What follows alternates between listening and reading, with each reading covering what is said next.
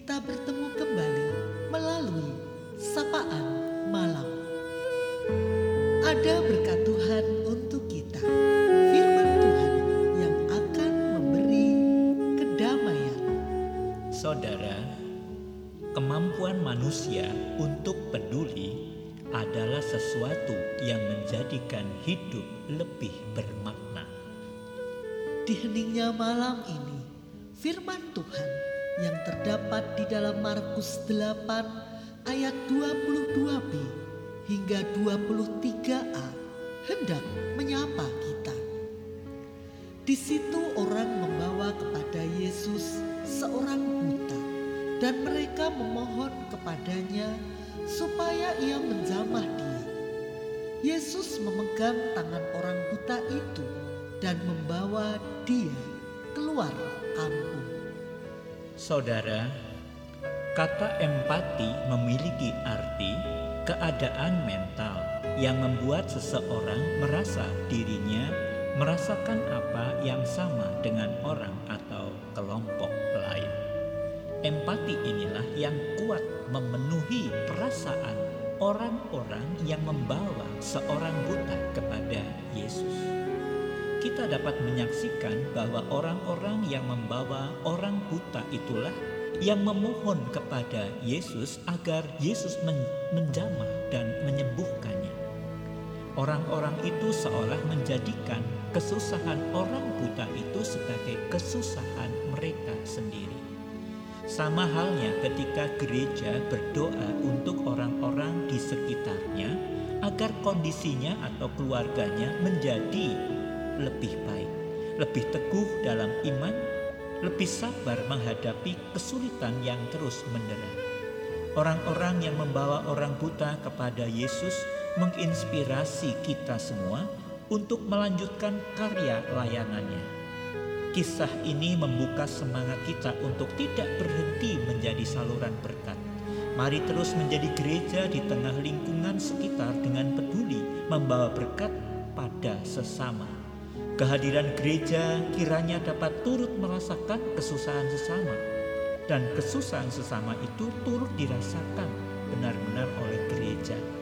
Biarlah kita bukan hanya memohon doa, namun memohon dengan sangat agar Tuhan Yesus menjamahnya dan memulihkannya, menjadikan keadaannya lebih baik.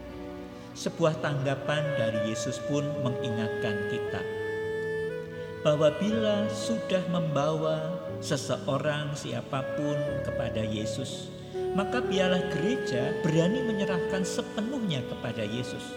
Demikian setelah orang buta itu sampai di depan Yesus, maka Yesus memegang tangan orang buta itu dan membawa dia keluar kampung.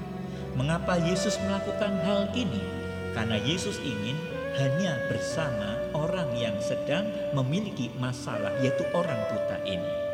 Setiap orang yang dibawa kepada Yesus selalu mendapat perhatian khusus secara pribadi dari Yesus. Gereja melakukan bagiannya, namun setelah membawanya kepada Yesus, bukan gerejalah yang menjadi pengendali hidup orang itu. Gereja hanyalah saluran berkat, tiap orang ditolong sesuai dengan keperluannya. Nampaknya orang buta itu membutuhkan hati yang bergantung kepada Tuhan Yesus Karya gereja bukan membawa orang-orang yang ditolong kepada dirinya sendiri, melainkan kepada Tuhan. Selamat melayani dengan hati yang sedia turut merasakan derita sesama. Selamat menjadi saluran berkat sebagai gereja yang melayani, sebagai keluarga yang melayani Tuhan dan mencari kemuliaan Tuhan.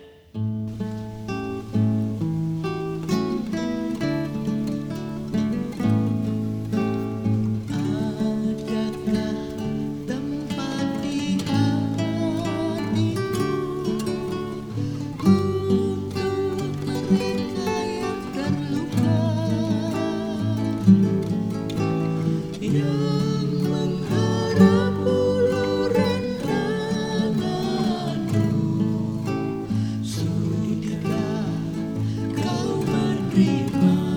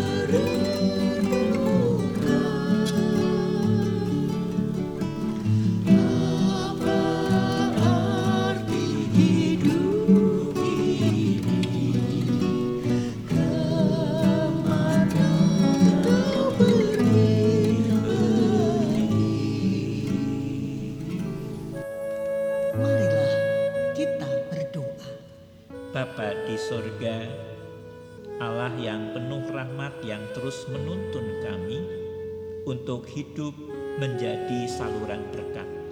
Terima kasih untuk firman-Mu yang menolong kami bahwa akan menjadi lebih bermakna kehidupan gereja atau seseorang ketika dia sampai turut merasakan penderitaan sesamanya itu sehingga dia akan memohon, dia akan melakukan hal mendasar, yang sangat mendalam untuk menjadi saluran berkat.